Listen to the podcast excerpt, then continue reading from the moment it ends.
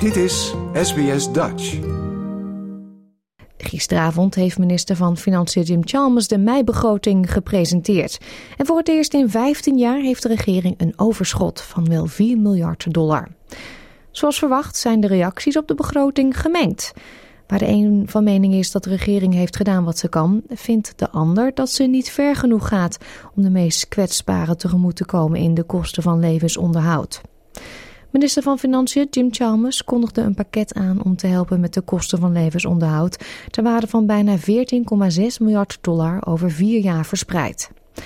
Mensen met een uitkering ontvangen van Centerlink zoals JobSeeker, Youth Allowance, All Study, App Study, Partner Parenting Payment en Youth Disability Support Pension krijgen vanaf 20 september allemaal 40 dollar per twee weken meer. De leeftijdsgrens om in aanmerking te komen voor het toch al hogere tarief van jobseeker wordt verlaagd van 60 naar 55 jaar. Ook wil de overheid het aantal praktijken dat aan bulkbilling doet verdrievoudigen om een bezoekje aan de huisarts goedkoper te maken voor concessiekaarthouders en kinderen onder de 16. Ondanks de aankondigingen is bezorgdheid dat de maatregelen niet ver genoeg gaan. Cassandra Goldie is de CEO van de Australian Council of Social Services. The measure that's the billions in investment in um, bulk billing is very important. And I congratulate the Minister for leading that reform. Um, everybody knows that it is really a problem if you can't afford the out of pocket costs to even go to a local doctor, and that will make a difference for people on low incomes. But I don't think it will surprise any of you tonight that I come here to say again the job seeker tonight is still a poverty payment. Um, it is still the lowest unemployment payment in the OECD, despite Australia being one of the wealthiest countries in the world. Cassandra Goldie zegt niet te begrijpen waarom er nog steeds geld wordt vrijgemaakt voor de geplande fase 3 belastingverlagingen. We still have on the books um, about 20 billion in tax cuts for people on the highest incomes in the country. Um, and when those tax cuts come in, that will deliver about $25 extra per day, not $2.80, $25 extra per day for people on incomes of $200,000 or more.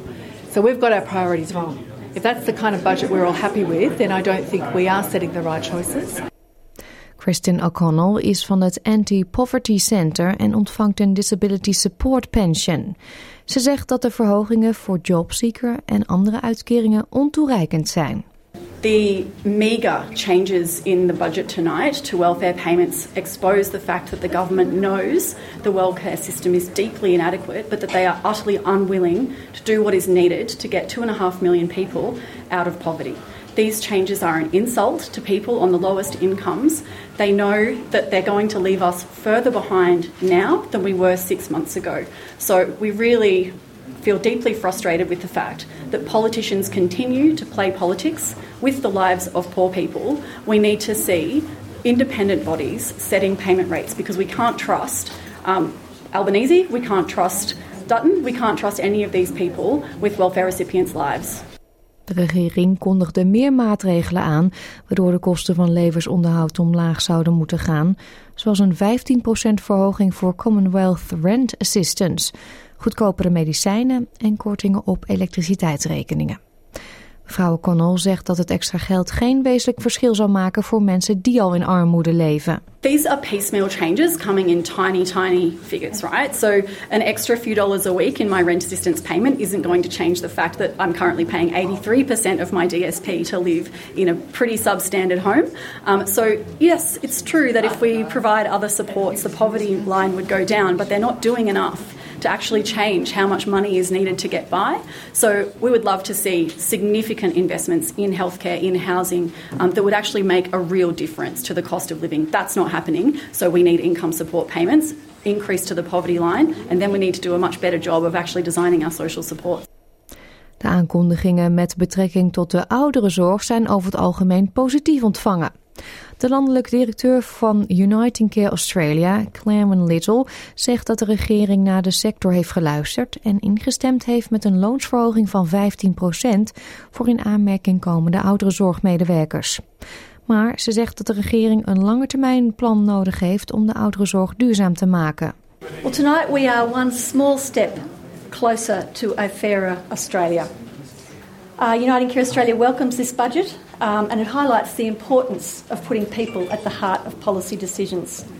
We welcome the many short term measures that have been in the budget tonight uh, to alleviate the cost of living crisis that we're seeing across our country, to alleviate some of the pain that families are seeing and that single parents are seeing and that older people are seeing uh, in their households every day. Steven Smith, partner van Deloitte Access Economics, denkt dat de regering vanuit een moeilijke positie heeft gedaan wat ze kon. Hij zegt dat de regering maar zoveel kan doen zonder de inflatie aan te wakkeren. A key test of this budget was whether it put upward pressure on inflation. Um, the, the government has managed to bank most of the additional revenue that it received. It has provided some moderate cost of living uh, increases, not very much really from a week to week perspective for welfare recipients. Uh, but in fairness, it probably couldn't do much more without putting upward pressure on inflation. So it's probably done the most that it could. Meneer Smith zegt ook dat de economische vooruitzichten de komende jaren waarschijnlijk zullen verslechteren. This budget does assume an increase in the unemployment rate, uh, and it does assume that in the very near term there is still uh, negative real wage growth uh, in Australia. So um, it's important to stress that um, this budget doesn't paint a particularly rosy picture for individual households, uh, but it does present a rosy picture for government revenue in the in the near term, and that's really uh, as a result of high commodity prices.